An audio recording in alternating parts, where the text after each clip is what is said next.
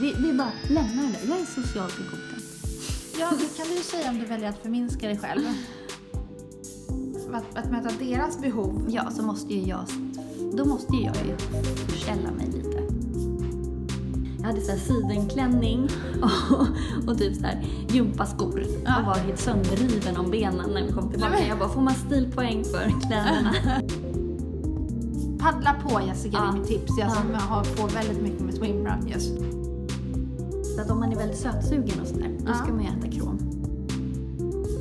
Så, så det är kanske du som hamnar i ett stort obehag. Mm. Så vad behöver den vuxna delen göra då, som du säger? Ja men det måste jag ju bara, det här, är, det här är ju inte på riktigt. Det här är ju bara mina hjärnspöken. Och man vill bara hugga av sig huvudet för att det är så plågsamt. handlade om, Nej. för det var ingen allvarlig kritik. Nej. Eh, och det är det jag känslomässigt också måste förstå, inte bara intellektuellt. Jag fyrkantig, tror jag. Mm. Men jag har ju andra geometriska former i mig också.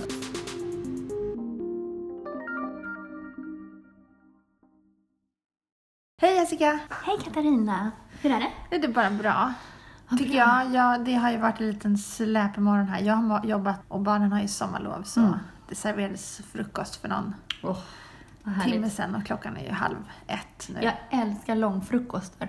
Jag vet när jag träffade Danne, då, då var han inte... Gav han sk- sken av då? Eller det lät inte som att, att han var så inne på långfrukostar. Men sen har det kommit fram att han visst äter långfrukostar. Så att jag Ah. vet inte riktigt vad det var. Men, men då var det verkligen så här... Eh, jag förklarade min passion för långfrukostar. Ah. För vi hade några jättetrevliga eh, sessioner när vi tränade lite och sen käkade frukost. Satt så länge och käkade frukost. Eh, Ja, det är är det mysigt. supermysigt. Och då kände man sig nöjd resten av dagen faktiskt. Ja. Jag kan äta frukost i timmar. Ja, det kan Alltså, jag jag älskar med. Jag det. tycker det är jättemysigt. Mm. Men jag gick upp lite tidigare och åt frukost tillsammans med Anders och sen när barnen väl kom upp så åt de frukost länge. Ja men det var så roligt. Jag fick ju träffa Anders för första gången Ja, här. just det. förra veckan. Ja. Yes. Mm. I, i, Denna härliga människa. Ja, precis. Alltså, han har inte pratat så mycket om honom utan det var mest bara hej, nu vet du hur han ser ut. Ja, men, ja, men när du pratar om honom så är, det känns ju som jag känner Det känns som honom att du lite. känner honom. Ja, men precis. Ja, men nu när vi var på samma sida av stan här samtidigt. Vi, vi befinner oss på Värmdö. Ja. Och jag är hemma hos dig i ditt fantastiska kök. Det är jättefint här. Ja, tack. Ja, vi trivs. Det, min son sa det när han kom in här, när vi kom nu. Han bara, mamma, det här är ett perfekt kök. Ja, det sa han faktiskt. Mm. Men du sa att du ville, det är lite mörkt och du vill göra om Ja, det är ju mörkt och jag vill ju... Vi har ju inte bott här så länge. Eh, Så vi ska väl landa i vad vi vill ha. Men jag kom fram till att vi vill ha ett ljust kök så det kommer vi att Mm, ordna. jag gillar också ljus. Ja, jag tycker om det. Men ska vi eh, dra igång med en jingel först? Ja, men det gör vi. Varmt välkomna till Ansvarspodden! Varmt välkomna till dagens avsnitt.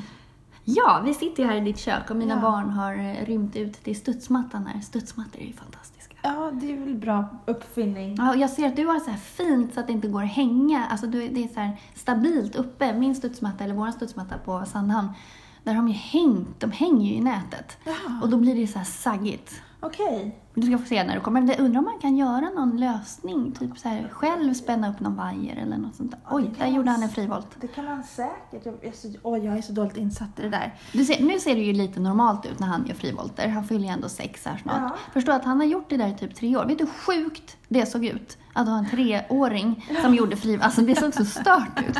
Man bara, är det här nytt? Nej, det är nyttigt. Men du, hur är det med dig? Jo men det är helt okej om jag Ja. ska vara ärlig. Mm. Jag kan säga att det är bra också. Men... Man skulle kunna säga bra, men om man, man brukar säga så ska jag vara ärlig eller artig? Ja. vi gillar ju ärlighet. Ja. Så Ja. det känns inte helt... Är det inte helt hundra idag? Eller? Nej men jag känner så här, jag har lite, jag hade en lite diskussioner igår som hänger sig kvar och jag bara funderar på varför hänger det här sig kvar?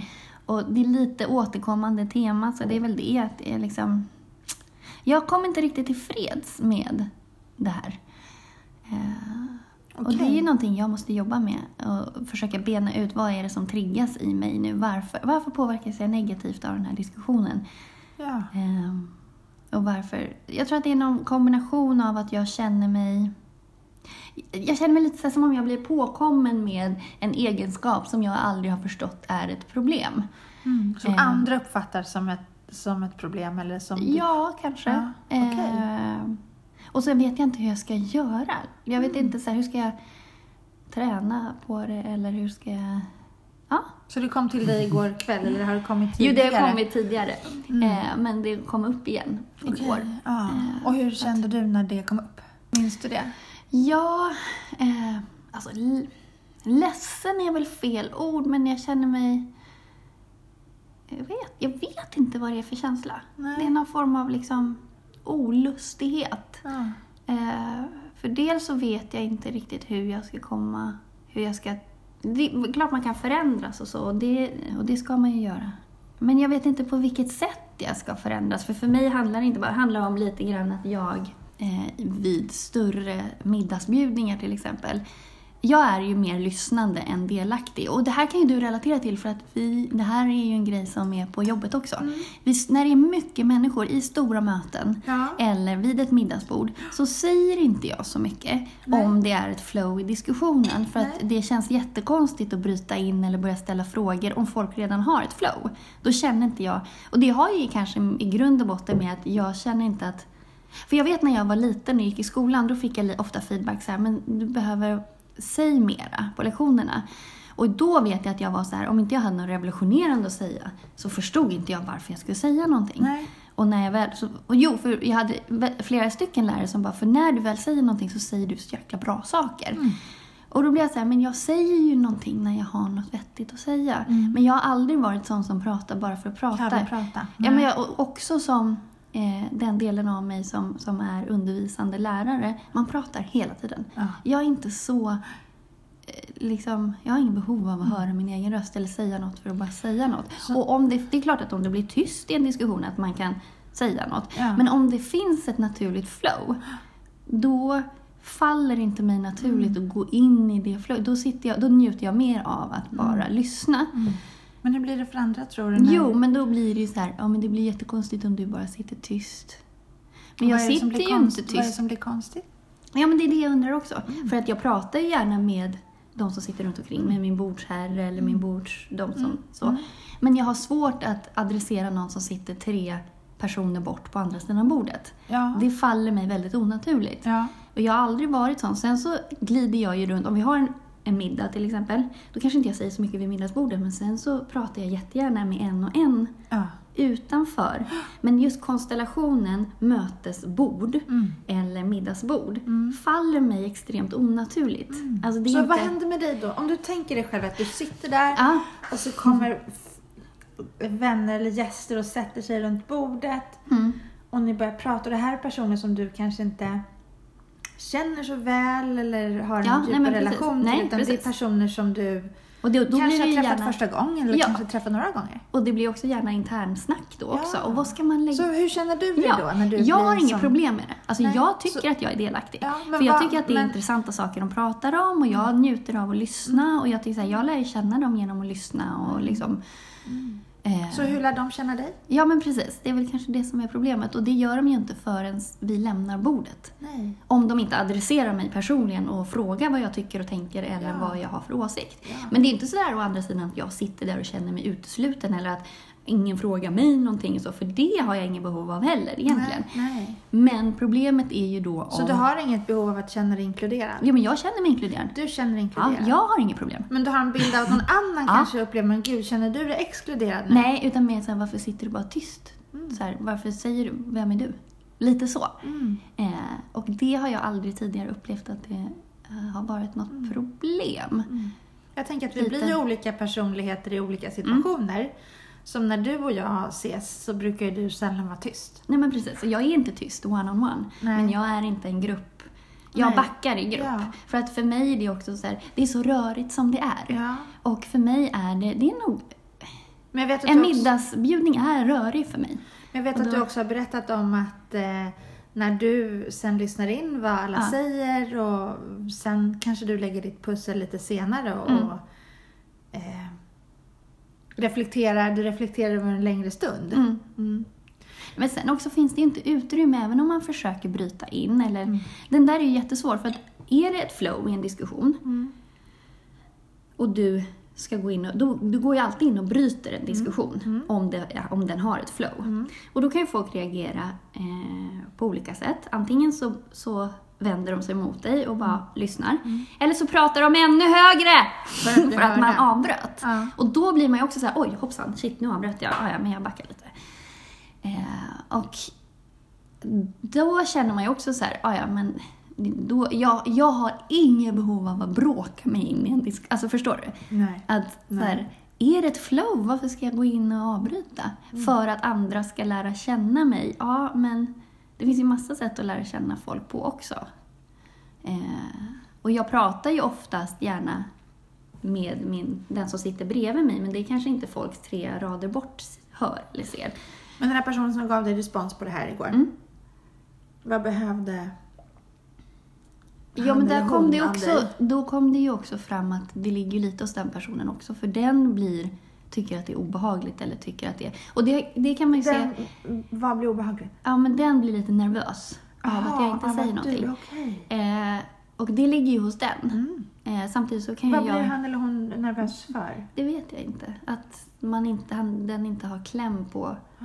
vem jag är eller vad jag gör. Det är lite, men vi har ju haft När de här du gör diskussionerna. sådär vet jag inte riktigt hur jag ska hantera dig. Nej, men det är lite, vi Mm. har ju pratat om det här lite grann, för det blir ju lite så för mig på jobbet också, i stora möten Ja. som är kackliga. Ja, Då- ja hur blir det då? Ja, men då Upplever blir du? Jag vet ju bara hur jag upplever. ja, men för mig blir det ju så här att jag, ja, men jag lyssnar på vad som pratas om och jag... Oftast blir ju de, den typen av möten väldigt känslosamma Ja. och tappar lite proportioner. Och då blir det ju mer en rätt och fel diskussion. Jag har inget behov av att ge mig in i en sån. Nej. Jag har inget behov av... Jag liksom...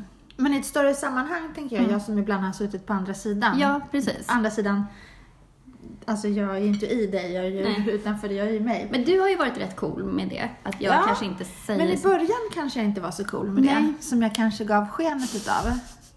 För i början kunde jag nog fundera kring, hmm, undrar hur det är med Jessica? Mm.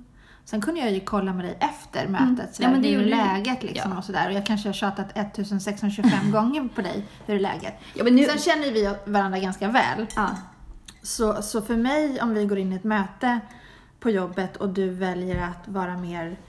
Eh, eh, när du intar den här mer betraktande rollen Mm. så låter ju vi dig vara i den rollen för vi vet att du trivs där.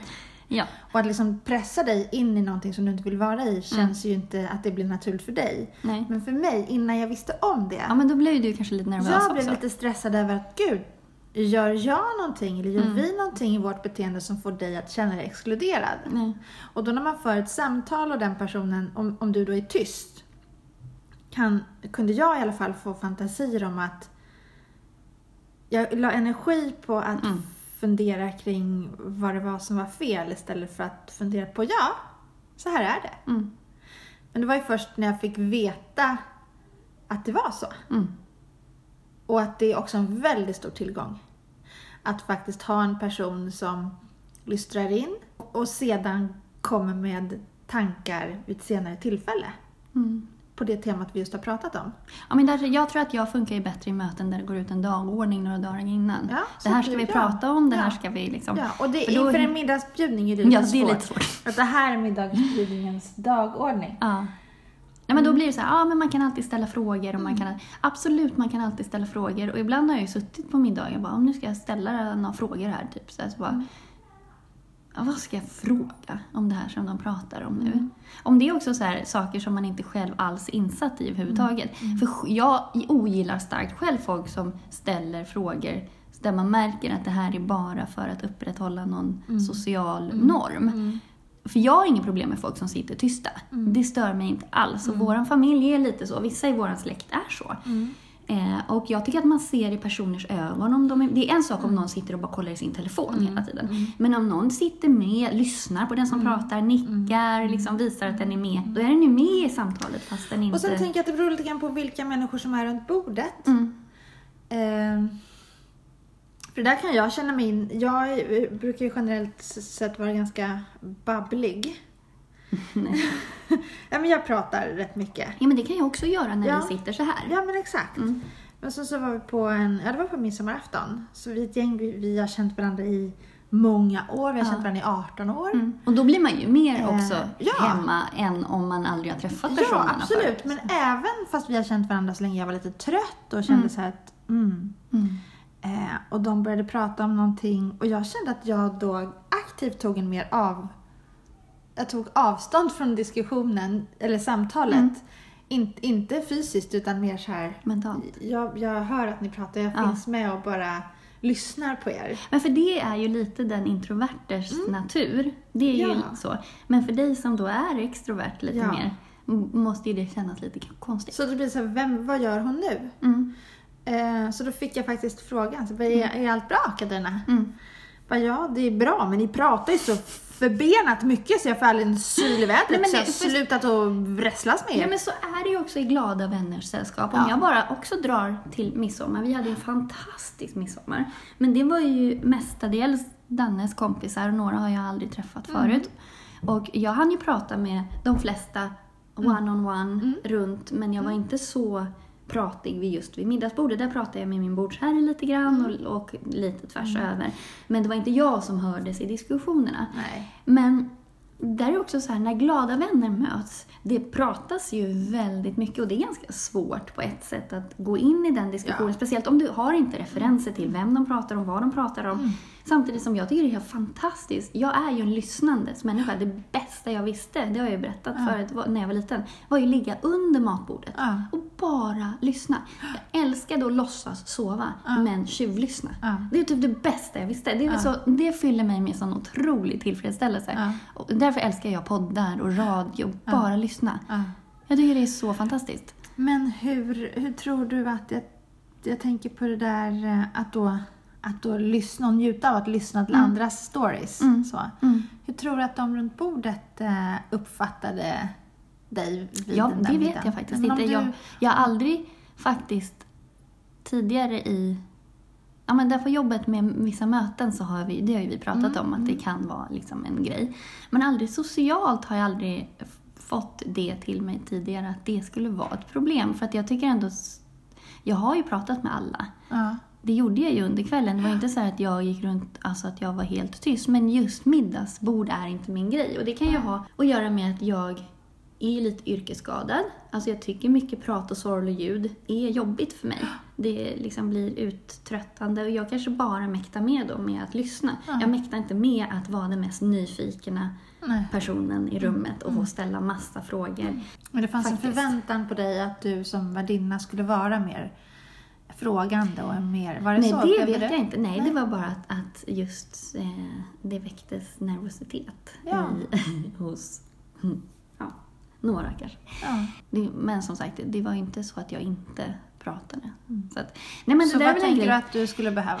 Ja, men precis. Och det är det där jag har. Var liksom, okej, vad är målbilden i det här?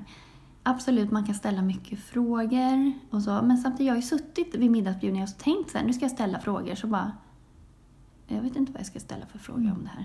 Och då kanske det är så här, jag, jag är inte, jag är nog ganska öppen som person. Förutsättningslös. Ja. Så att jag är så allt är ju intressant. Vad ska jag av? När han eller hon har ett flow och sitter redan och berättar massa intressanta saker och jag får lära mig massor. Varför ska jag ställa specifika frågor? Jag har inget specifikt, jag bara fortsätt prata nu så, Ja, ja. så får jag ju lära mig.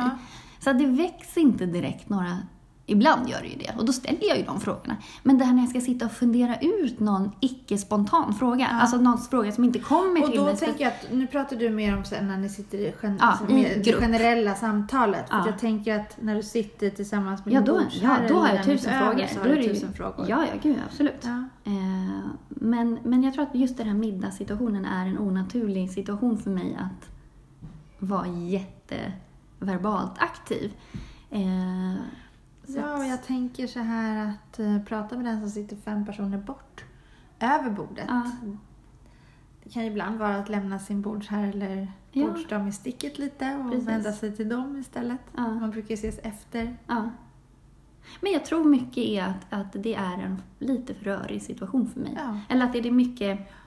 ehm, Men när du berättade om det, det här blev en rörig situation för mig. mm, Det blev så mycket, jag kunde inte sortera i allt sorl. mm. Hur blev det mottaget då? Jo men ganska väl liksom att, alltså det var ju en bra diskussion och så slutade det väl i att vi är olika. Men jag tänker att i och med att den här diskussionen, det här är inte första gången, Nej. så är det ju någonting som stör och jag skulle gärna vilja tillmötesgå det. Så vad hände dig när du märkte Det är väl det något som ligger stör? kvar och skaver i mig, att Ja. jag vet inte... Jag vet, jag, jag faller liksom på min egen... Jag kan nog inte tillmötesgå det här. Alltså inte för att jag inte vill, utan jag förmår inte. Jag Du har vet, inte du vet den inte förmågan. hur du ska göra. Och det är så här, kommer det upp en fråga så ställer jag den vid ett middagsbord. Det är inte så att jag sitter helt, helt tyst. Nej. Men jag är inte den som driver konversationen. Nej. Eh, och det är inte så här att jag håller tillbaka eller att jag liksom på något sätt känner mig eh, hindrad. Eller hur så. skulle den här personen kunna hjälpa dig då?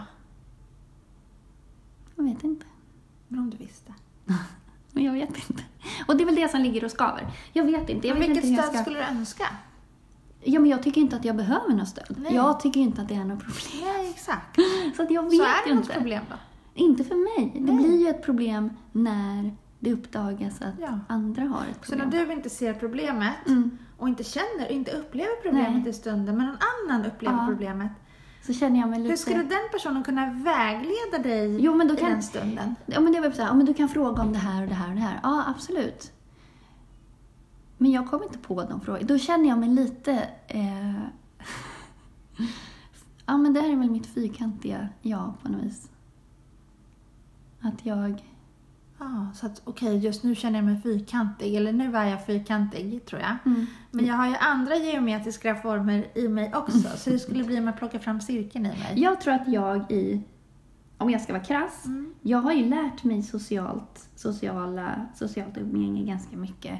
Alltså det är ingenting jag har fått med mig hemifrån Nej. på något sätt. Så det är, jag har ju teoretiskt lärt mig. Ja. Så jag, och jag har ju massa strategier för att liksom framstå som en social människa. Eller liksom, jag vet ju vad, vad koden är och så, men det är ju i min värld är det ju inövat. Ja. Eh, så att jag skulle nog... Det blir ju jätte... Så skulle man säga, okej man kan ställa den här typen av frågor, absolut. Men för mig blir det... För jag vet ju hur jag är. Ja. Jag stör mig ju fruktansvärt på folk som ställer konstiga, ytliga frågor. Ja. Det tycker jag, för jag är ju det här genuina samtalet, det är Ja. det jag vill åt. Ja. Jag tycker inte att det är jättekul med de här ytliga middagsbjudningssamtalen. Nej, nej. Jag vill ju åt det här one-on-one. Ja. Och det liksom. är väl det som är lite unikt när man, ser, när man- träffar personer som man inte är så djup med från minut ett. Ja. Då brukar vi människor mötas just på det ytliga, väder och vind och Ja, lite så, vilken söt blus. Det och... behöver man ju inte slänga in någon kommentar. Eller, jag vet inte. Och sen, Fast för att, för att få komma till djupet hos många människor så kanske jag- det kan vara klokt att börja där. Ja. Och sen efter en stund så kanske man möts i att åh, vi har, ja, vi har det där gemensamt. och det är Ah. väldigt, väldigt sällan middagsbjudningsdiskussioner faktiskt kommer till den nivån.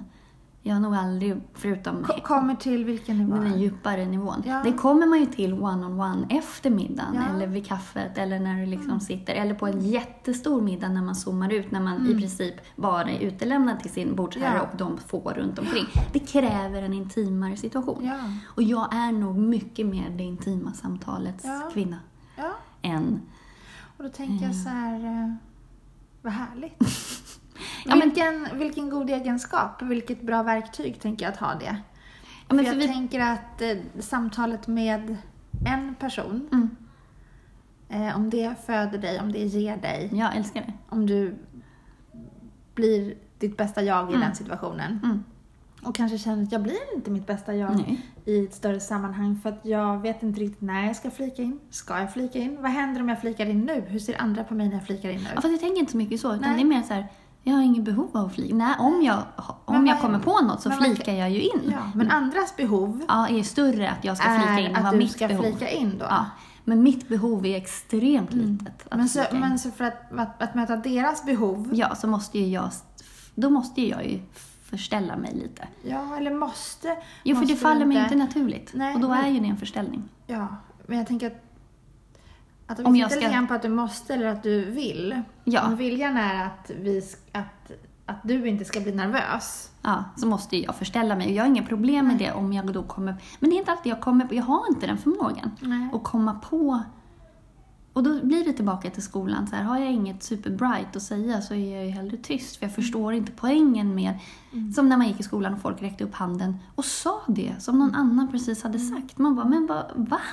Mm.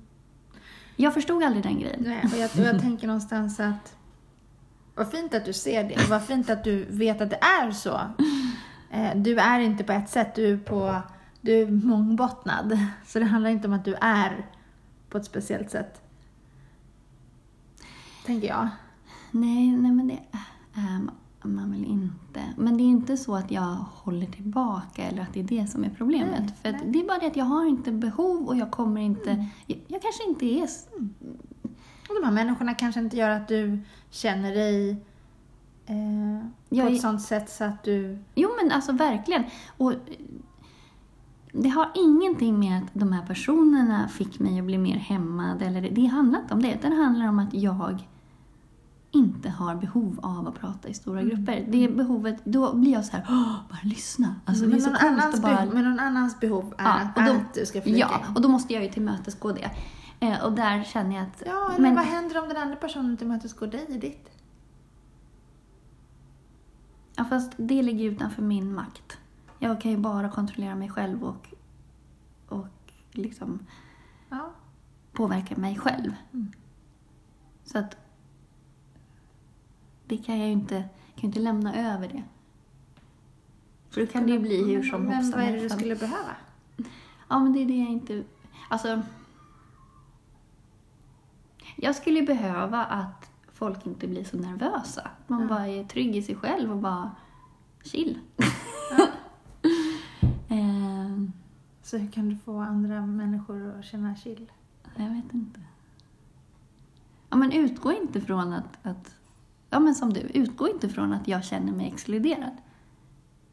Mm. Jag är inkluderad, jag är i allra högsta glad. Och det blir också en sån här grej att man bara, nej men du var så himla... Så här, det kändes som det var någonting eller det kändes som... Man bara, men där sitter jag och känner mig jätteinkluderad och är hur glad och nöjd som helst. Mm. Och sen kommer någon och talar om för mig att jag var liksom... Så den personen, när den personen såg dig sitta tyst, Mm. kanske den personen kände inne att oj, nu är hon på det där sättet som jag var en gång och då kände jag mig så här. Alltså känner hon sig så som Mm. jag kände då. Mm, Usch vad jobbigt. mm, Och med stort hjärta och med stor kärlek bara du Jessica, det är inte okej att vi sitter på middagsbjudningen och mår sådär. mm, Säg någonting, vad kan jag göra? mm, Den personen kanske blir, känner sig otillräcklig. mm. Men det där är också intressant med sociala normer.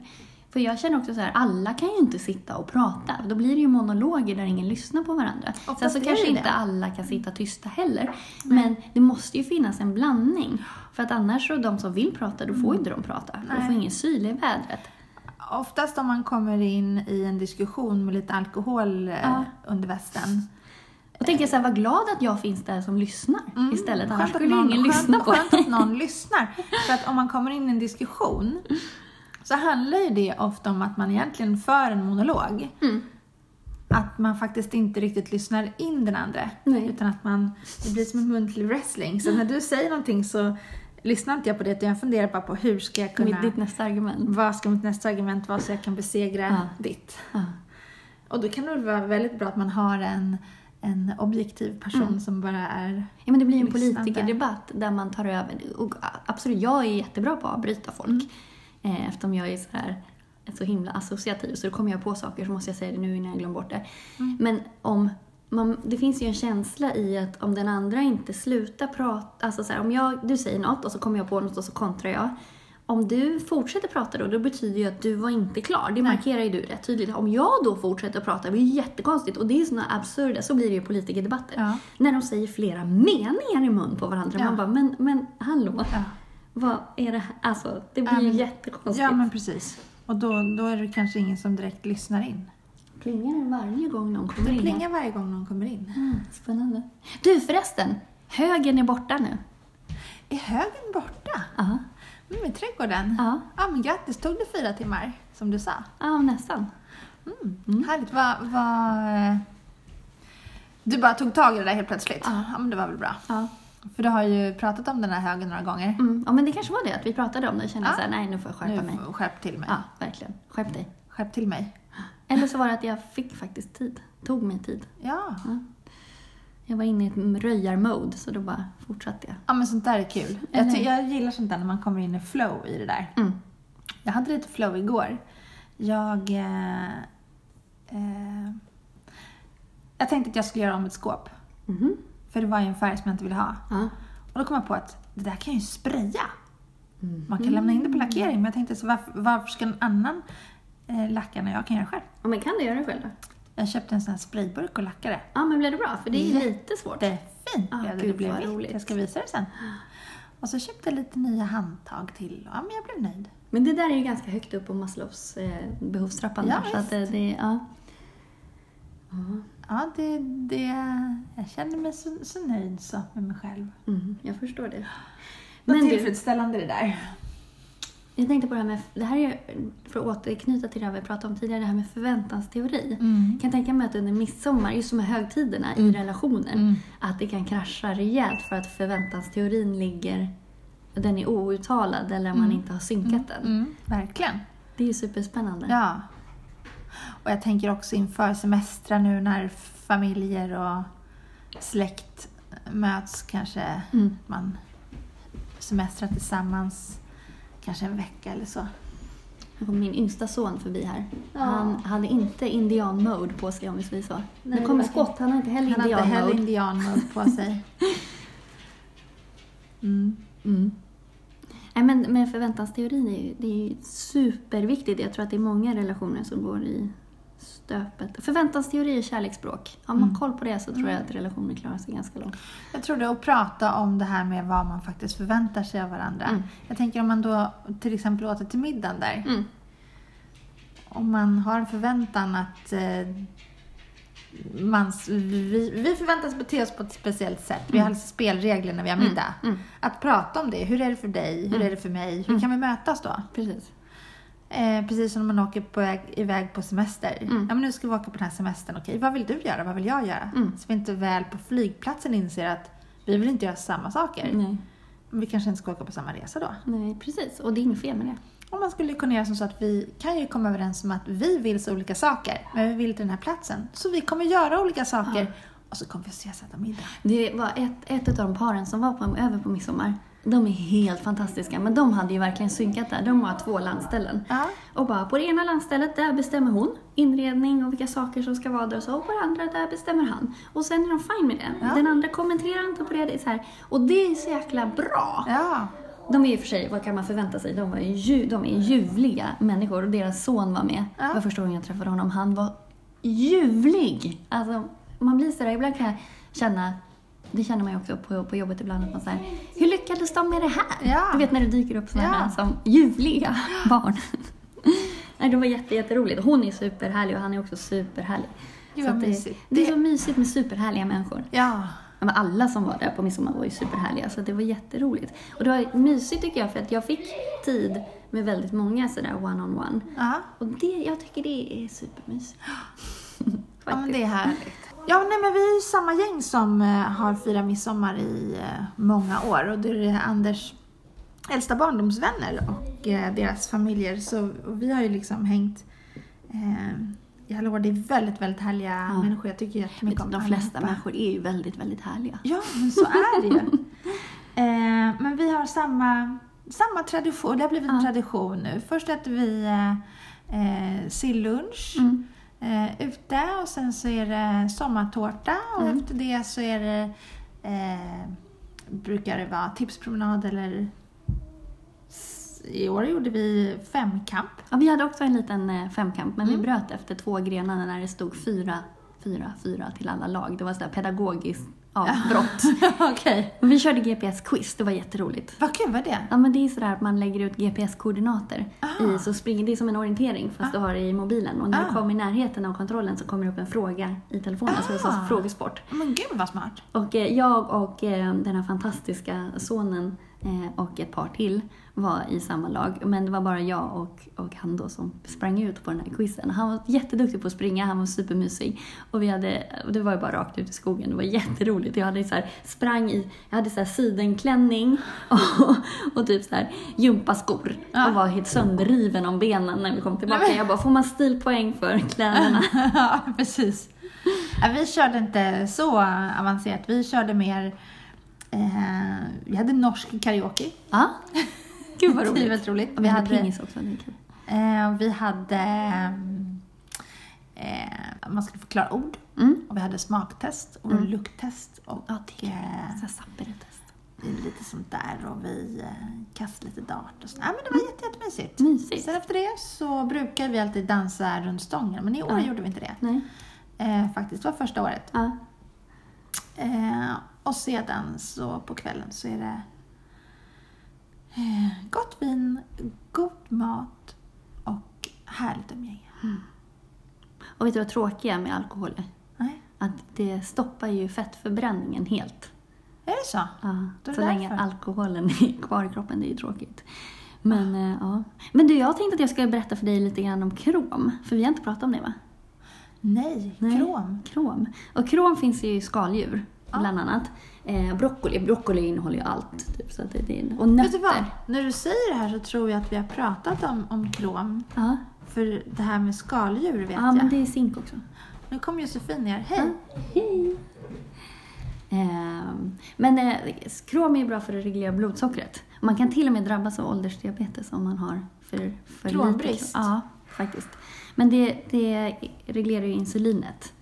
Eh, så att om man är väldigt sötsugen och sådär, då Ja. ska man ju äta krom. Ja. Eller då kan det vara så att man har krombrist. Då är det det vi ska pilla i oss Jossan. Ja. Krom ska vi äta. Sen så eh, kan man ju få sämre fettomsättning även av krombrist. Mhm. Och att man blir trött, man får kan få nervösa besvär. Om man har krombrist. Ja, och koncentrationssvårigheter och ögonproblem. Det är. Synproblem. Mm. Oj då. Så, så krom, då kan man ju äta skaldjur och broccoli, sa du det? Mm. Jag som inte gillar piller. Nej, men eh, precis. Och det är ju bara att äta. Det finns ju kött också. Och bönor och nötter. I vitt vin finns det också. Du ser! Du ser. Och då, då är det så Fast här... de motverkar sig själv, tänker jag. Om Mm. alkoholen eh, bromsar fettförbränningen och kromet då ska hjälpa till. Ja, det där tål att tänkas på. Ja, Men, eh, kanske dricka alkoholfritt vitt vin. eller hur? Ja, det kan vara bra. Ja. Men eh, Livsmedelsverket har ju räknat ut hur mycket krom som normal mat. Det där är jättespännande med vad som är normalt. När folk bara ät normalt. Man bara, men vad är normal mat? Det kan vara Ja. allt från pulvermos till ja, egen hemlagad. Ja, Mm. men jag tror att man tänker som på bondens vis. Ja, får hoppas Det det. kanske är normal mat.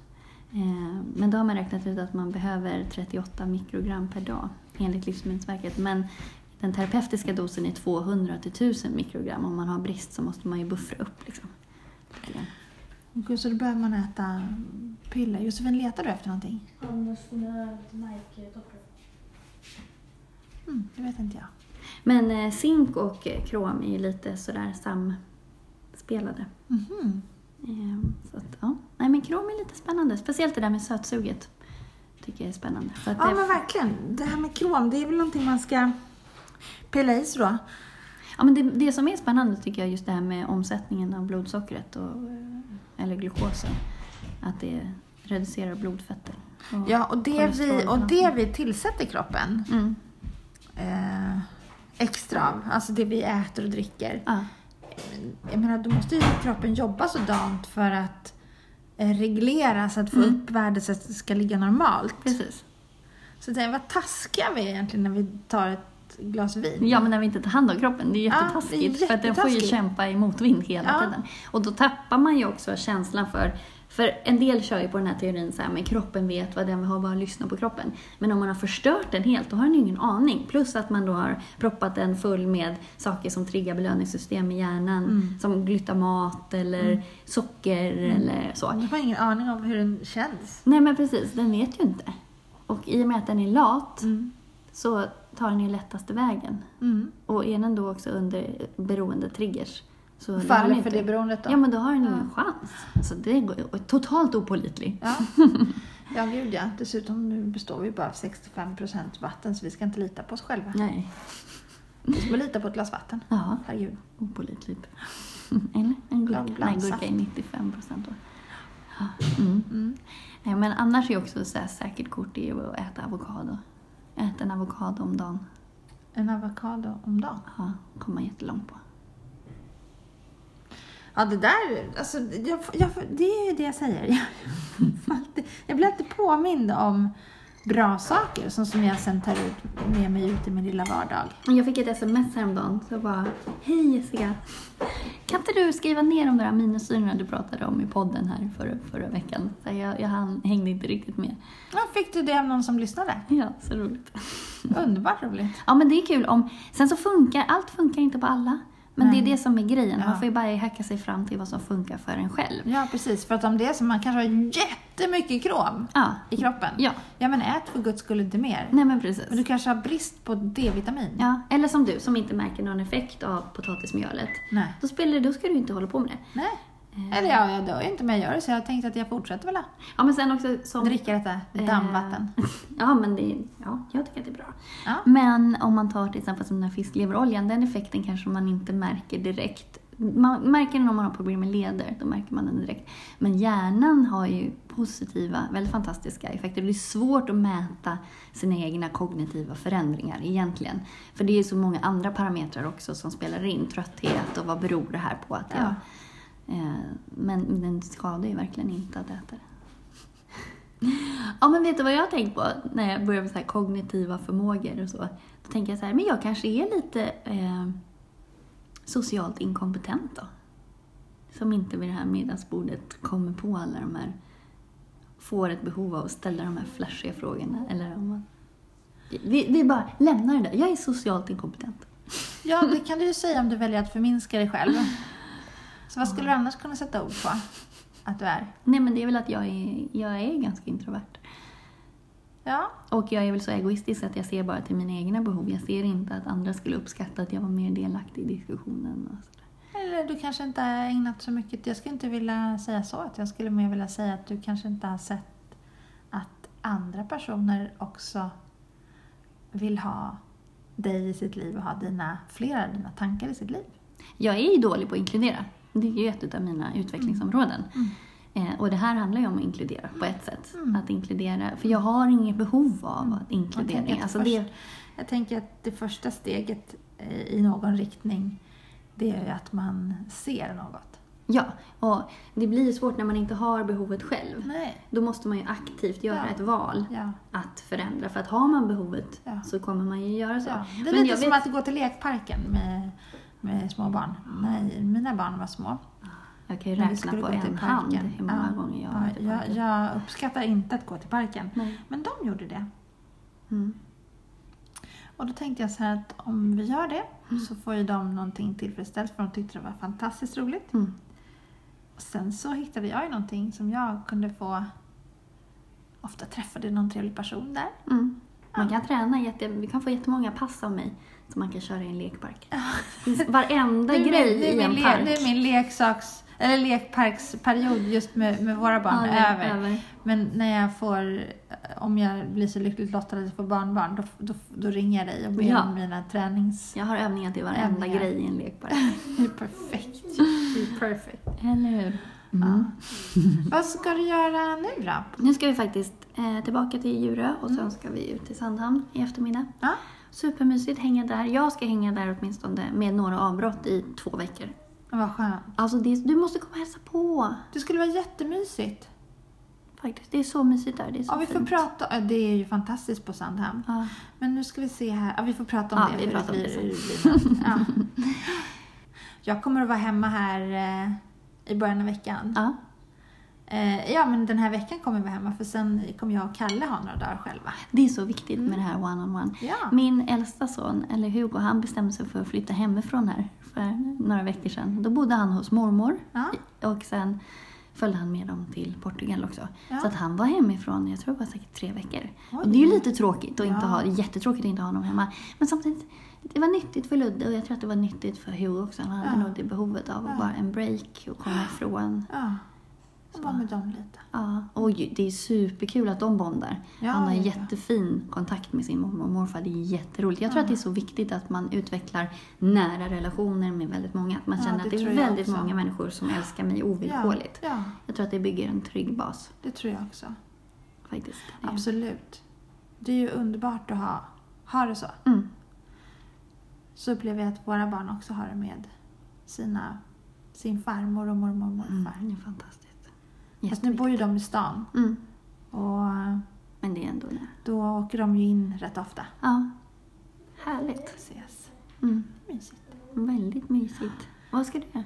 Du ska, du skulle vara hemma nu och sen... Nu är vi hemma ett tag och sen åker vi ner en sväng till Västergötland och sen åker Ja. vi till Gotland Mm. och sen så eh, har vi inte planerat. Vi ska göra någonting mer men vi, igår så bestämde vi att vi skulle åka till Gotland. Så att Mm. vi, det är lite trögtänkt här i Fast man Törnqvists behöver resident. inte alltså, planera så mycket. Sommar för mig är egentligen bara att vara på söndagen. Ja, och grejen är att tidigare så har, har mitt behov varit att eftersom jag har haft så långt sommarlov så har Mm. jag liksom velat styra upp och planerat in så att Mm. jag har fyllt det. Mm. Och nu blir, jag har jag större behov av att fylla det med... Jag vill göra mig ett, en fin sommar. Och det görandet kan ju ske i stunden. Och det är så roligt, jag hade en kollega som sa nu precis innan vi gick, överhörde henne. Ja. När hon sa till en annan kollega bara, jag blir så nervös av folk som jobbar så här mycket på sommaren.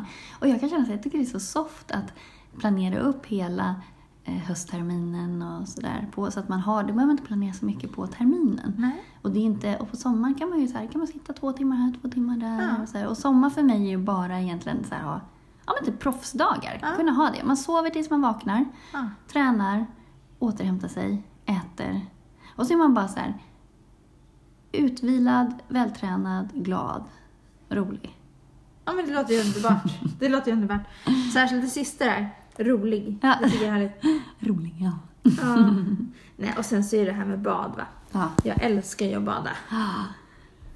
Eh, Vad får är det kallaste som du tolererar? Eh, det kallas det som jag tolererar. Alltså, Jag har ju blivit en riktig badkruka med åren. bastar man och det är 11 grader, då bastar man och badar. Men det, jag har inte sagt att det är varmt, men Vet jag du- gör det ju. Jag uppskattar inte den här temperaturskillnaden. Jag tror att det är det mitt, som är mitt problem med när jag simmar. Det, var- jag tyck, ogillar starkt den här känslan när, man, när vattnet kommer mot huden och har en annan temperatur. Ja, Det tycker jag är... Det är nog det som stör mig mest med simning. ja Sen det. när man väl har legat i vatten efter tio minuter är det ju ingen issue. Nej, för då är man ju bedövad. Ja.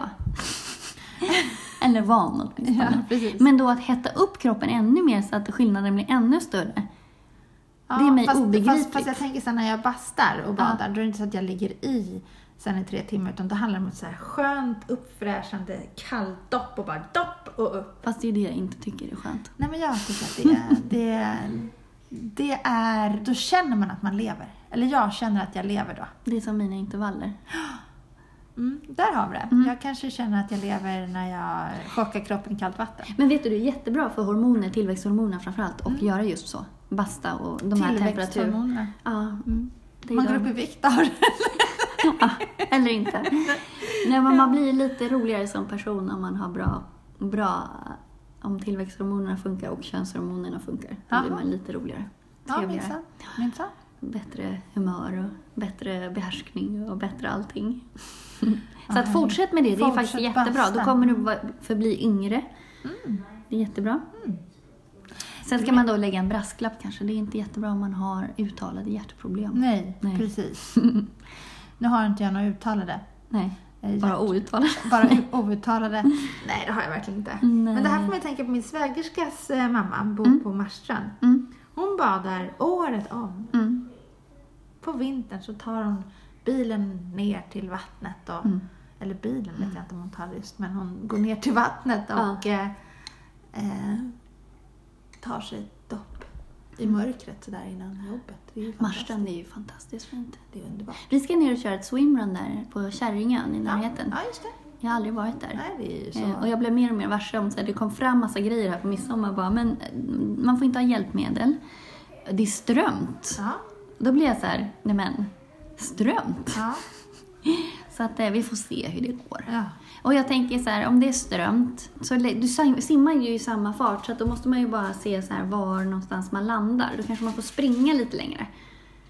Alltså, men jag tänker, det det är ju samma antal simtag även fast jag åker lite åt sidan så. Ja, fast ja, Om jag inte det- försöker simma mot Jo, strömmen. jo, jo, absolut. Fast då, du, du driver ju. Ja, så jag kommer få springa längre. Ja, absolut. Men, eftersom Men det har ju du inga problem Nej, med. jag är bättre på att springa än att simma. Så jag ska Ja. inte ge mig på att försöka simma mot strömmen. Jag tror jag tjänar mer på att bara go with the flow och sen springa tillbaka. Ja, då kanske du hamnar i... eh, på någon helt, helt annat ställe du tänkte i. Du får nog paddla på Jessica, det Ja. är mitt tips. Jag Ja. som har på väldigt mycket med swimrun just. Ja. Det här är mitt tips. Men man har inte så mycket det. val när man simmar. Tänkte, vad Sim- skönt det var att säga sådär. Jag har Ja. aldrig hållit på med det där. Det känns så skönt, det låter som ett proffs. Ja, men det är en sån här killsägning. Mm. Killsäkerhet. Killar brukar ju bara ja, dra till med någonting. Och, men det gör man som lärare också. Då är man också ganska killsäker. Ja, ja, absolut. Att man måste ju... Rapp. Men, men ju simning, det är ju som att stoppa ner huvudet i sanden och så viftar man på lite och så tittar man upp så, så får man se vart man hamnade.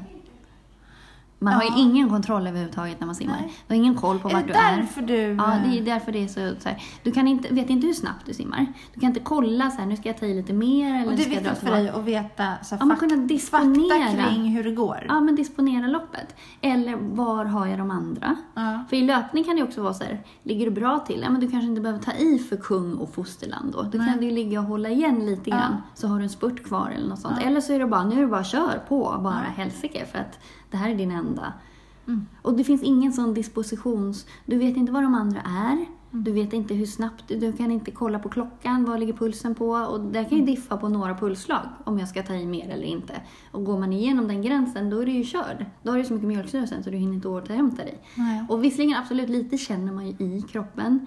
Men jag är fortfarande inte så rutinerad simmare att jag kan läsa på samma sätt som, som i löpning. Men sen också ibland så kan man ju också säga oj, jag har mycket mer krafter kvar även fast jag känner mig så här trött. Men är så du rent- pratbar då? För då har du ju 70% kvar att ge. Ja. Det är svårt att, att prata under vattnet. Man kan skrika under vattnet när Ja. man simmar på läskiga saker. Det har ju hänt ett antal gånger. Sjögräs och Och sen det här viftandes med huvudet hela tiden. Så att man... Och så faller man ju in, det är så tråkigt, så faller man in i sina tankar och så kommer man på sig själv att man bara har slappat av helt för att man har varit så upptagen av sina egna tankar. Så Men det, tycker du att det är plågsamt tråkigt att, att simma? Mm. Men du gör det. mm. Men det är för att jag Men varför gör du det? för jag är målstyrd person. Jag, jag bryr mig inte så mycket det om något är roligt eller inte. Nej, jag utan jag bara gör det. det för Ja. att det ska göras. Ehm, Men det har ju blivit bättre. Förut mådde jag ju så illa utav det också så att jag höll på att kräkas varenda gång jag kom upp. Och då började jag faktiskt, när jag, jag vet någon gång när jag simmade hos mina föräldrar så satt jag i soffan efteråt och bara höll i mitt huvud typ och bara kan någon bara hugga av mig huvudet nu? För man blir sjösjuk. Alltså så fruktansvärt sjösjuk. Så det, du vet, det satt i i flera timmar efter. Alltså du vet såhär, man typ inte kan röra sig. Eller du vet såhär, Sinnessjuk. riktigt, eller kanske du inte, det beror på vad du hade för graviditet. Men såhär riktigt vidrig graviditetsillamående. Nej, det hade eller inte jag, jag riktigt hört vidrig sjösjuka. Ja. Sånt, så att man bara, man kan inte röra huvudet, man, man vill bara hugga av sig huvudet Ja. för att det är så plågsamt. Ja. Och då började jag känna att det här funkar inte, det kan Nej. inte vara så här. Nej. Men nu har kroppen lärt sig lite grann så att jag har inte det fruktansvärda. Och när jag simmar i pool så är det faktiskt helt okej. Ja. Min brorsa har ju varit jätteduktig simmare. Han bara, men det är så meditativt, man bara ligger och maler. Och jag kan så här, sekundsflashar kan jag förstå vad han menar. Att det kan vara lite, men det är den här stresssimningen som gör. Om man bara låg och malde, absolut. Men just det här när man ska stressa, du ska ju simma så snabbt som möjligt hela tiden. Ja. Och då... Ja, det, det där. Alltså jag älskar ju att simma. Jag tycker det är fantastiskt. Jag är ett, ett vattendjur. Mm, ja, men bröstsim tycker jag är soft. Ja, Men det är det här med krålet alltså. Men jag har aldrig tävlingssimmat. Utan jag gör ju mest saker bara för att jag tycker att det är roligt och behagligt. Och det som, som jag inte tycker är roligt och behagligt, ja men det gör jag inte lika mycket av. Det skulle inte bli mycket gjort i mitt liv alltså. Om jag bara skulle gå efter som var roligt och behagligt. Ja. Kan det, ja. Men, eh, ja men för det där är ju- man måste ju, eller jag måste ju för att kunna fungera överhuvudtaget. Det är väldigt, jag har ju sådana fighter varje dag, väldigt Ja, jag mycket. vet, ja. Bara gör det här nu. Ja. För att jag har ganska starka sådär, Att du trotsar dig själv och duckar. ja men sådär också ganska starka mot. Så jag har ju verkligen fått lära mig att bara känna inte efter så mycket. Nej. Om jag skulle känna efter, ja, Så vad händer om du plockar fram den eh, känslan i, på en middag? då skulle jag ju sitta helt tyst. Alltså då skulle jag ju zooma ut helt och Nej, men hållet. jag menar tvärtom. Jag menar mer sen så här, ja men jag tycker inte att det är givande för mig nu att eh, Ja men det är ju givande. Mm. Alltså det är ju, jag är ju, det är ju fantastiskt givande för mig att bara sitta och lyssna. Jo, jo, jag vet. Men eh, jag tänker inte på lyssnandet nu, utan jag tänker mer engagemanget i samtalet. Att jag inte är så givande. Nej, det var inte det jag sa. Jag tänkte att det, att det är givande för dem som Mm. finns med. Och det är det jag har försökt. Ja. Men då är det så blankt i mitt huvud. Ja, ja, Om inte jag spontant kommer på en fråga så kan inte jag hitta på en fråga. Nej. Om inte jag har den, den strategin har jag ju också. Mm. Jag har ju en lista med frågor som jag kan ställa i när jag typ sitter med någon så här. Men vad skulle Eh, kunna men hända de om blir ju du helt berättar konstiga. bara istället? Berätta vad? Eh, någonting. Kan inte Men du det berätta måste ju vara något som anknyter till det som det pratas om. Annars blir det ju jättekonstigt. Om ni sitter och pratar Men om... om jag säger vetebulle, kan inte du berätta någonting som du vet om Jo, det? men vet du, jag har ju jobbat som bagare. Ja men exakt, där har vi det! Ja, men om det inte pratas om någonting som jag kan relatera till, Nej. då blir det jättesvårt. Mm. Och jag vet inte vem de pratar om. Jag har inga erfarenheter om de här grejerna. Och Mm. Men det det ju... de pratar om och det de associerar till, av dem skulle ju du kunna associera till någonting annat som för in er på ett annat spår. Det är inte så att när du och jag för ett samtal Nej. så är inte tanken att vi kommer att vara just i den här lilla eh, just det här lilla samtalet och prata om just det här. Utan Mm. tänk om någon kommer in och bara, ja men det här får mig att tänka på citroner. Och då börjar vi prata om någonting annat. Och på så sätt ju förs ju samtalet vidare. Väldigt många är inte pigg på att man gör så. Nej. Man blir väldigt i så fall, ofta, eller det har jag, så här, om man bryter ett samtal och börjar prata om någonting så är det lite som, då tittar folk på en och bara du är helt sjuk i huvudet. Ja, jag tänker inte att man ska, jag tänker inte att man ska kidnappa samtalet och börja prata om någonting annat. Jag tänker mer när tiden är. Jo men blir det helt tyst, Ja. då har jag inget problem och då kan jag dra igång ett Ja. samtal. Det, men för, för, att mig är det så... någons ja. samtal kan ju vara rent otrevligt. Ja, och det är det som jag känner att jag gör om det är ett flow. Ja. Och de trivs jättebra, de har inte träffats på jättelänge, de är jätteglada. Varför ska jag gå in och bryta där då? Nej. Det är ju bara för att i sådana fall är det ju bara för att jag går igång på mig själv. Alltså, men bara låt dem prata? Ja. Alltså jag ser, inte, jag ser inte problemet i det, Nej. men det kan ju tydligen uppfattas som ett problem. Vet du vad, det kanske inte är ett problem. Det är inte ett problem för mig, men, men det är ett problem. Uppenbarligen. Eh, och jag försöker... Jag funderar på det, för det hänger ju kvar i mig också. Att jag, Ja, jag mår lite dåligt av det. Och jag, det, Kanske inte riktigt är- färdig med det. Det är, det är en olustkänsla. För att jag vill ju inte... Jag vill inte väcka olust hos andra. Alltså andra blir obekväma eller tycker att det är så. Nej. Men jag har tänkt på det faktiskt. Jag är ju, om man tittar på kärleksspråk, så är ju jag mycket bekräftande ord. Mm. Jag är fysisk beröring. Och lite längre ner så är jag gåvor. Men jag tänker på det, här, om man är bekräftande ord, då känner man sig älskad när folk säger att de tycker om en eller uppskattar en. Lika hårt slår det ju då, torde det slå, av kritik. Det kanske är därför jag är så känslig för kritik också, som jag inte riktigt förstår. För att då på något sätt så betyder ju det, nu överdriver jag, men det betyder ju att jag inte är omtyckt. Mm. Eller att jag, för att jag tror ju att jag är omtyckt om folk säger att de tycker om det jag gör eller så här. För att jag är ganska känslig Mm. person. Jag är jättekänslig för vad folk säger överhuvudtaget. Om någon har sagt att de ska göra en viss grej så gör de inte det. Ja. Då blir jag också så här. Och där är jag ju ganska fyrkantig i mitt... Jag litar ju på varje ord, alltså blint på vad folk säger. Ja. Sen så har jag ju lärt mig att, ja men där är jag nog svartvit. Jag litar på vad folk säger, sen så har jag lärt mig att ingen menar någonting. Så att antingen så, så om det är någon som jag känner att jag har förtroende för och att jag kan lita på den, då litar jag blint på vad den säger. Sen generellt så litar jag aldrig på någon. Jag tror inte på någonting för jag vet att folk bara... Och det, här, det var ju det som jag hade så issues med när jag var liten. Att jag blev ju väldigt besviken många gånger för att jag gick på vad folk sa Ja. och sen så ändrade de det. Eh, Du hör ju att jag är lite konstig. och då lärde jag mig att istället inte förvänta mig någonting av någon. Ja. Vilket också är en ganska bra egenskap. Mm. För att då blir man inte så besviken. Nej, Eh. fast eh, jag tänker att man kanske blir lite ensam med den tanken. Sen blir man ju glad om folk håller det de lovar. Ja, och så. ja, visst. Eh, Men jag är nog ganska, jag är lite svartvit i min hjärna, Mm. tänker jag. Eller lite Jag är ju inte fyrkantig på det sättet att det ska vara på ett visst sätt, för jag är ju väldigt flexibel i och med att jag är förutsättningslös. Mm. Så är jag ju såhär, ja nu blev det så, nu blev det så, nu blev det så. Och är det någonting som jag verkligen vill ha på ett visst sätt, då tar jag ju makten över det. Ja. Men jag tror att det kan ju vara därför jag inte trivs att jobba i stora grupper och sånt där heller. För att då, då har man inte kontroll Ja. på, då kan jag inte... För att ofta så kan jag ha en backup-plan. Så det kan låta som att det kan finnas en, en, Förtroende. en rädsla eller en oro för att om du nu först ena gången säger att du gillar mig jättemycket Mm. och sen i andra änden så ger du mig kritik för ett beteende jag har. Mm. Stämmer det, det där då? Att du, Ja, bilden av att du ja, verkligen gillade mig? Mm. Och där tror jag att jag kanske inte kan skilja riktigt på sak och person. Mm. Eh, och det är en sån här grej som jag med mina barn, så här, jag älskar er ovillkorligt, sen kanske jag inte älskar allt ni gör. Nej. Men någonstans, och jag förstår ju det här rent intellektuellt, Ja. att det inte är så. Ja. Men du vet, alltså när det blir en här känslomässig trigger, Ja. att det lilla barnet i en reagerar på kritiken och då per definition, så här, okej, du är inte älskad. Mm. Fast jag vet ju rent intellektuellt att det handlar inte om det. Nej. Eh, Så vad handlar det om? Alltså det här handlar ju om att jag... Det är ju mitt lilla barn som får plats. Mm. Så Så vad behöver plats. den vuxna delen göra då? Men den måste ju bara prata det här lilla barnet till rätta. Alltså Mm. rent tänkt att du förstår ju att det... Och sen också, det är Eller klart... prata barnet till rätta. Kanske behöver förklara hur det är. Ja. Men den spontana, det spontana obehaget kommer ju först. Ja. Sen så kan jag ju kognitivt och träna om och jag kan, jag förstår att det inte är så. Men det är det, så här, varför ligger det här kvar i mig? Jo men det är det, för att det är det Ja. lilla barnet som gick igång på kritiken. ja. Eh, och jag vill inte skapa obehag hos någon. Det gör mig så ont. Så vem får det största obehaget? Det kanske blir jag till slut. Ja.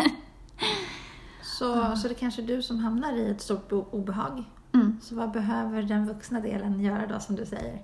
Ja men där måste jag ju bara, det här, är, det här är ju inte på riktigt. Det här är ju bara mina hjärnspöken. Mm. Eh, Men det, ibland är det svårt att matcha den känslomässiga upplevelsen kontra den intellektuella. Mm. Och det är väl det som, det är ju det som är att vara vuxen, att den intellektuella, Mm. eh, om den då missgynnar en, Mm. eh, att den intellektuella vinner. Om den känslomässiga missgynnar en. Att man, finns ingen anledning någonsin att må dåligt Nej. egentligen. Nej. Så att man försöker prata sig själv till rätta. Och det har jag ju, blivit mycket bättre. Alltså jag har ju verkligen jobbat på de här grejerna för att jag hade ju, jag var i kaos. Så, du kan förstå, så du kan förstå lite grann varför du kanske upplever... Ja. Men jag, jag kan, jag inser ju att jag faktiskt inte garanterat kan göra någonting åt det här. Jag kan Nej. försöka. Ja. Men jag har ju också försökt. Ja. Och jag kan sitta där med helt så här, blankt. Vad, vad ska jag fråga? Ja. Vad skulle du För det behöva? finns inget jag undrar här. Nej. Och då kan inte jag där och då hitta på någon fråga kring något som jag inte... För det känns, jag har ju svårt för det här med det icke-genuina. Ja. Just det, det ytliga. Ja.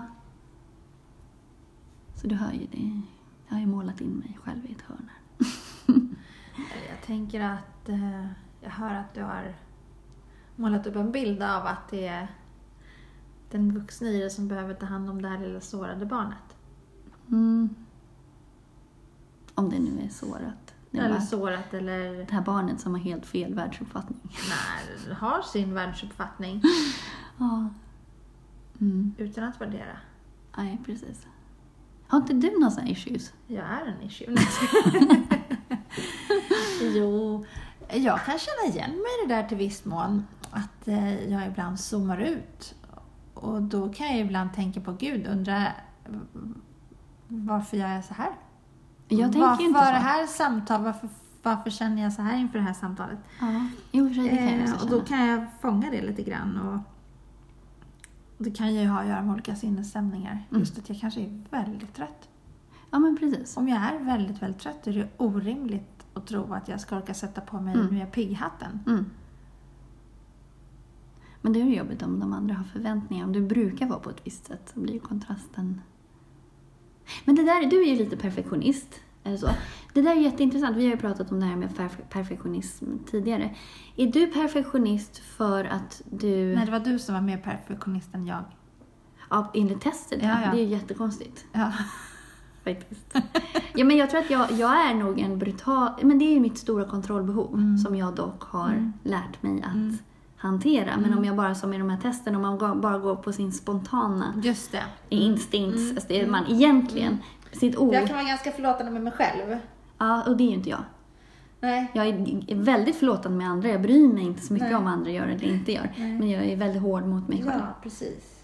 Men där så tänkte jag på det, för det finns ju två saker som driver i perfektionismen. Om det, det ena är en rädsla för att till synes göra fel eller misslyckas. Och sen så den andra delen är perf- perfektionisten som ständigt vill optimera. Mm. Alltså, eh, man vill optimera sin prestation hela tiden, att man drivs av ett inre. Mm. Och jag tror att jag har ju varit den andra varianten. Mm.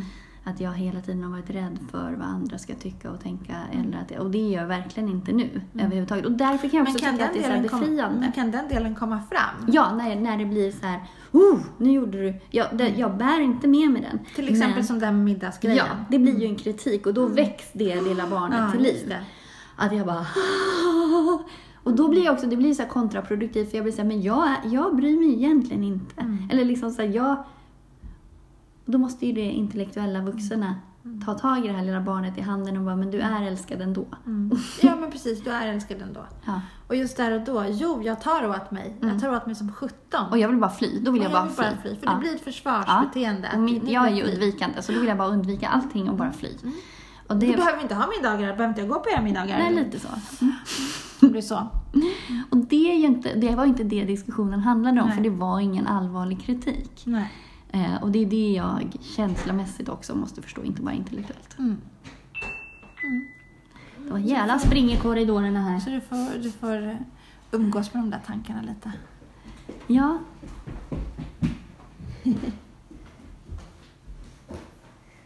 Gullisar. Var det roligt ute Ludde? Ja. Studsade du? Det såg kul ut. mm. längtar du ut till studsmattan på Sandhamn? Mhm. Du har varit så duktig och så samarbetsvillig här. Samma nu. Ja, vi ska åka om några timmar. Tack för att du samarbetar så mycket med mig hela tiden. Jag uppskattar det jättemycket. Gud, det där med, som vi pratade om förra gången, det här med barn, att de förväntas bara... Man ställer ju rätt höga krav på... Mm. Eller förväntar sig att de bara ska... De har ingen egen vilja. Det är som med hundar också. Ja, nu ska vi, ja, nu ska vi göra det här. Nu ska vi göra... Men du, vi har hunnit prata om rätt mycket Ja. idag. Mm. Förväntningar och upplevelser och Krom. krom. Och att ta hand om det lilla barnet. ja det är viktigt. Mm. Jag tänker att vi alla har ett litet barn i oss som kommer fram ibland. Ja, men det då är amygdala. Ja, och du Som behöver, ja precis, och du behöver det stora hjälpa. Mm. Precis. Och öka förutsättningarna för att Mm. kunna hålla tillbaka. Mm. Och ibland tänker jag att det också kan vara tvärtom. Att när den stora tar över, att den lilla kanske får som en du. Mm. Kanske inte är så himla... Nej, men så länge man är glad och trevlig och behandlar andra väl, Ja. då behöver ju inte det vara negativt. Då kan ju amygdala få ta plats. Men ja. när man... bara, bara vi behandlar oss, behandlar oss själva väl också. Ja, fast inte på bekostnad av andra. Självklart inte, men jag tänker negativa tankar som om vi, om vi meddelar oss med negativa tankar Mm. Så bränner vi ut oss inifrån. Ja, verkligen. Nej, negativa tankar generellt ska man ju försöka mota i grind. Oavsett Ja. om de är om, om en själv eller om Ja. andra. Eller, välko- eller välkomna dem och Mm. lyssna på vad, vad är det som händer med mig när jag tänker den här tanken. Varför känner jag så här? Mm. Vad upplever jag? Vad är det jag egentligen behöver? Jo, för en negativ tanke om andra är ju indirekt en negativ tanke om mig själv. Ja. Att det är någonting hos mig själv som triggas. Att antingen att jag är rädd för att vara det som den där andra är som jag tänker negativa tankar om. Ja. Eller att jag faktiskt har de delarna och föraktar dem själv hos ja, mig. jag tror att det ofta kan vara så. Så att, ja, negativa tankar är... Bena ut var de kommer ifrån och varför och sen dra fram verktygslådan och Ja. välj rätt verktyg. Välkomna dem och lyssna in. Ja. Men agera inte på dem. Vi har gått in lite semestermode. Eller hur? Fast det är inte semester för mig än, men lite så. Mm. Jag ska sätta mig nu och förbereda en, en föreläsning jag ska ha. Vad roligt. Mm. Älskar föreläsningar. Mm. Men där ser man också, i skolan, älskar föreläsningar. Mm. Gillar inte grupparbeten. Nej. Nej, det kan ju vara så väldigt... Just här, där bara gör jag som du brukar göra. Jag bara gör. Mm. Samtidigt, jag tycker, jag tycker det är fantastiskt att umgås med andra människor men i mindre intimare format Ja. är min grej. Mm. Jag älskar att samarbeta med någon, göra om ett grupparbete består av att man är två stycken som Mm. samarbetar. Det tycker jag är supermysigt. Ja. Och brukar ge väldigt mycket. Men när det är så fem, sex och man ska koordinera och man... Då får ju min sån här effektivitetshäxan får ju panik. Ja. ja, jag vet. Fast det syns ju inte på utsidan som jag sagt. Men du, tack så jättemycket för att jag fick komma hit. Ja, Det var vad mysigt att ni, supermysigt. kom, att ni kom förbi. Och vad enerverande att det plingar varje gång man går in och ut. Eller hur? det är bra. Det är mysigt här på Värmdö. Ja, tack. Ja. Men eh, då säger vi tack och hej så syns vi. ja, men tack och hej. Vi hörs och Det gör vi. ses. Puss Ha det puss. så bra. Puss och kram. Hej. Lucia, hej då. Hej då.